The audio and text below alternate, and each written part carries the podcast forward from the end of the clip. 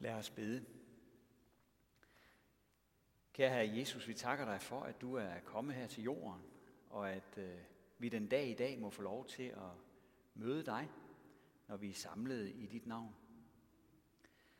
Og så beder vi om, at øh, du må vise os, hvem du er, og at vi må tro på dig. Amen. Dette hellige evangelium skriver evangelisten Johannes.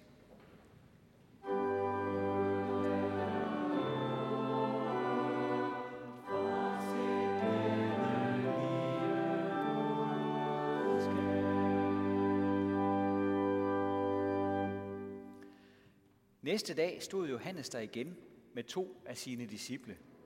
Han ser Jesus komme gående og siger, se, der er Guds lam. De to disciple hørte, hvad han sagde, og fulgte efter Jesus. Da Jesus vendte sig om og så dem følge efter, sagde han, hvad vil I? De svarede, Rabbi, hvor bor du? Rabbi betyder mester. Han sagde til dem, kom og se. De gik med og så, hvor han boede, og blev hos ham den dag. Det var ved den tiende time. Andreas, Simon Peters bror, var den ene af de to, som havde hørt, hvad Johannes sagde og var fuldt efter Jesus. Først møder han sin bror Simon og siger til ham, vi har mødt Messias. Det betyder Kristus. Han tog ham med hen til Jesus. Da Jesus så ham, sagde han, du er Simon, Johannes søn. Du skal kaldes Kefas. Det er det samme som Peter. Næste dag ville han tage til Galilea og møder Filip. Jesus siger til ham, følg mig. Filip var fra Bethsaida, fra samme by som Andreas og Peter. Filip møder Nathanael og siger til ham, ham som Moses har skrevet om i loven, og lige så profeterne, ham har vi mødt, Jesus, Josefs søn fra Nazareth. Nathanael spurgte, kan noget godt komme fra Nazareth? Filip sagde til ham, kom og se. Jesus så Nathanael komme hen imod sig og sagde om ham, se, der er sandelig en israelit, som er uden svig. Nathanael spurgte ham, hvor kender du mig fra? Jesus svarede ham, jeg så dig, før Filip kaldte på dig, mens du var under fientræet. Nathanael udbrød, Rabbi, du er Guds søn. Du er Israels konge. Jesus sagde til ham, tror du, fordi jeg sagde til dig, at jeg så dig under fintræet, du skal få større ting at se end det. Og han sagde til ham, sandelig, sandelig siger jeg jer, I skal se himlen åben, og Guds engle stige op og stige ned over menneskesønnen. Amen.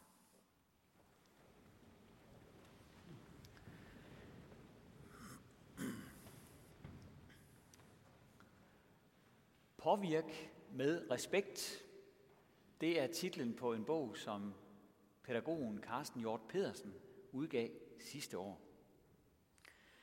Og den handler om den svære kunst at påvirke andre på en respektfuld måde, når det handler om opdragelse, forkyndelse og andre felter, hvor der er værdier på spil. Det er en bog, som er god at få forstand af.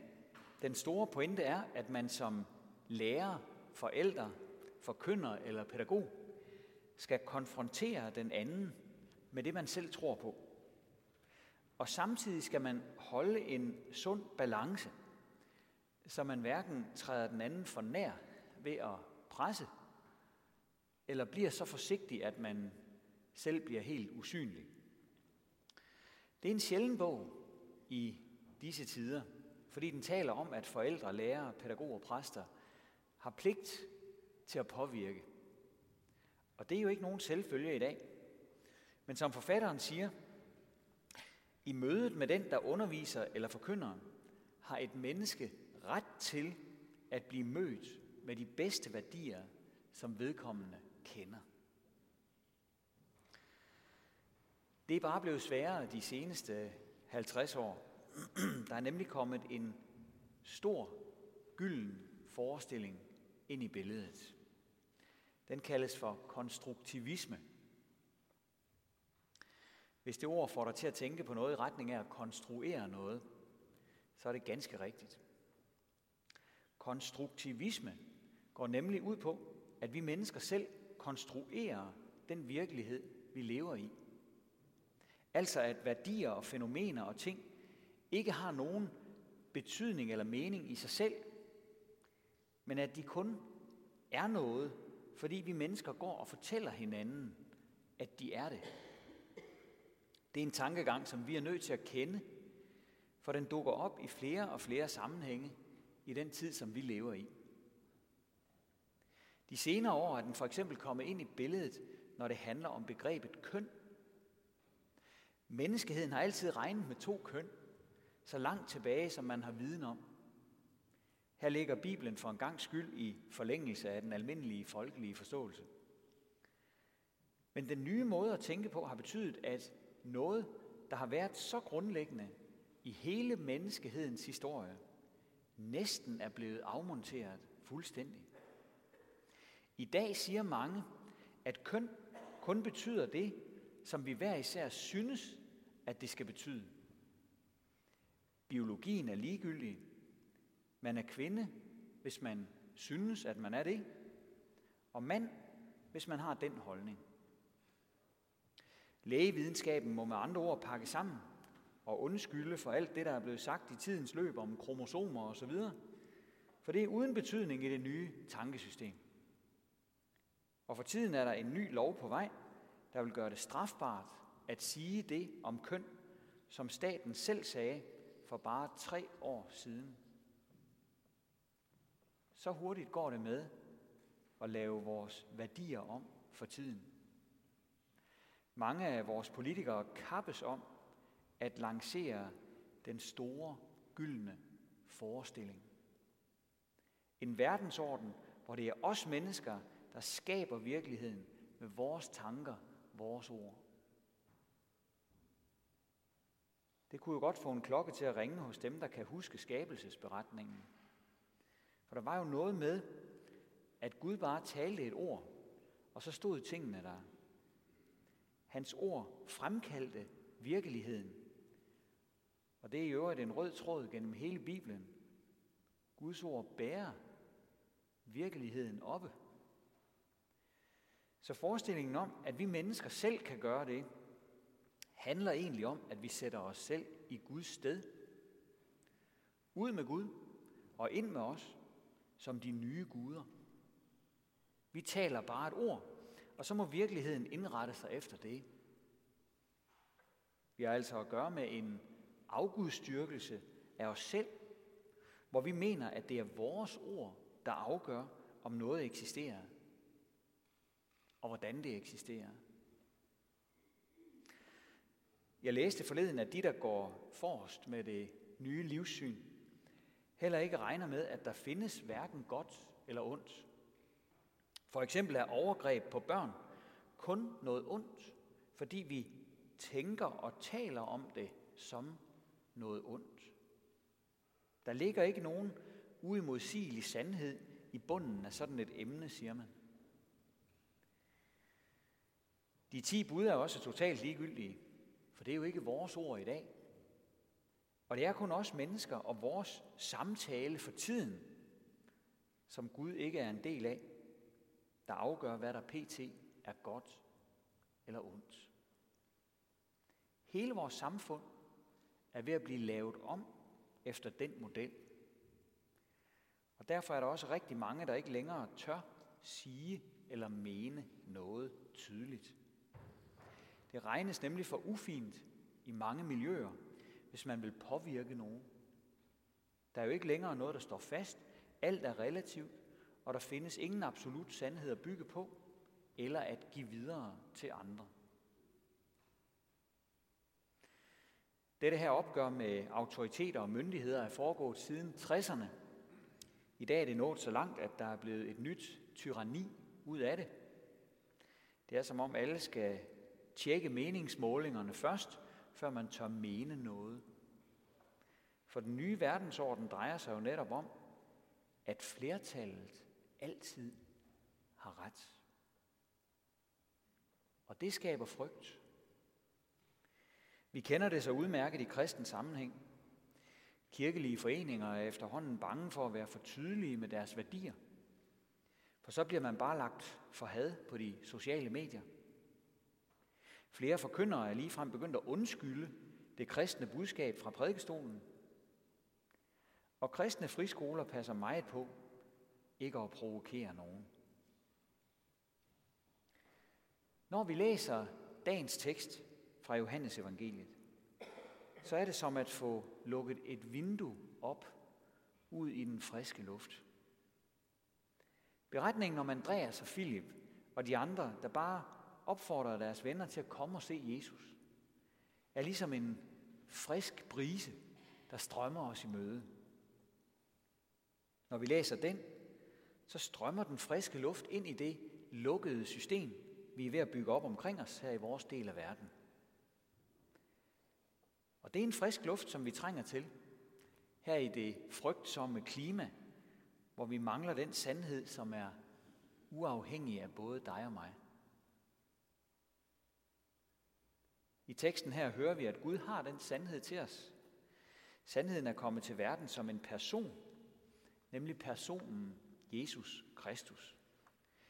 Det er ham, der er Guds væsens udtrykte billede, og som bærer alt med sit mægtige ord, som der står i Hebræerbrevet. Han og hans ord skal altså ikke understøttes af nogen, for han bærer selv hele verden. Han skal ikke selv bære os af nogen, for han er Gud. Det er ham, der står inden for sandheden. Den sandhed, der står fast, uanset om vi er enige i den eller ej. Ham kunne de første disciple møde. Og de opfordrede også deres venner og familie til at møde ham. Kom og se, sagde de. De sagde det ind i en kultur, hvor mange havde det svært med endegyldige sandheder. Hvad er sandhed? spurgte Pilatus Jesus. Underforstået, sandhed er jo ikke et begreb, man rigtig kan bruge. Sandhed er noget, vi aftaler. Sandhed er noget, vi stemmer om. Vi bestemmer selv, hvad sandheden er. Ja, disciplenes tid lignede vores på mange måder. For den store gyldne forestilling om, at vi mennesker selv bestemmer, hvad der er sandhed, den er i virkeligheden tusse gammel. Men de første kristne blæste på den store gyldne forestilling. De troede på, at de havde fundet ham, der står inden for sandheden. Kongernes konger og herrenes herre. Og derfor begyndte de at skabe møder mellem ham og de mennesker, de var tæt på. Der var ingen tvang i det. De påvirkede med respekt, kunne vi sige, mens de holdt en sund balance. De trådte ikke andre for nær ved at presse dem. Men de var heller ikke så forsigtige, at de selv blev helt usynlige. Og her har vi et godt forbillede. Det er nemlig også vores opgave som venner eller forældre, forkyndere eller pædagoger, eller hvad vi nu er, at sige, kom og se. Og så forsøge, om ikke der på en eller anden måde kan blive bragt et møde i stand mellem Jesus og den, der ikke kender ham. Nu er vi jo børn af vores tid, og derfor tænker vi så nemt, at det nok er lidt for mig sådan at inviterer mennesker med hen i kirken, eller begynder at vise dem Jesus i en samtale. Man skal jo ikke mase sig på, og måske har de det fint nok, som de har det. Det kan også sagtens være, at de har det fint nok. Men vi må prøve at vende problemet en halv omgang, og så give os selv en udfordring. Når du og jeg kender sandheden, fordi vi har mødt ham, har vores medmennesker så egentlig ikke et krav på, at vi giver dem en chance for det samme. En dag skal alle de fine mennesketanker og gyldne forestillinger jo pakkes sammen. Så skal vi alle sammen møde ham, som står inden for virkeligheden. der vil der kun være ét spørgsmål, der står tilbage. Og det er, tror du på Jesus? Og den dag vil skaberen skabe på ny. Han, der virkelig kan skabe, hvad han nævner. Han vil skabe en ny himmel og en ny jord til alle dem, der tror på hans søn Jesus. En ny virkelighed vil han skabe. Den skal overgå alt, hvad vi mennesker kan forestille os. En virkelighed, hvor Gud er hos menneskene, fuld af noget og fuld af sandhed. Ære være faderen og sønnen og helligånden, som det var i begyndelsen, så også nu og altid og i al evighed. Amen. Og lad os rejse os og tilønske hinanden, som apostlen gjorde. Hvor Herres Jesu Kristi nåde, Guds, vor Fars kærlighed og Helligåndens fællesskab være med os alle.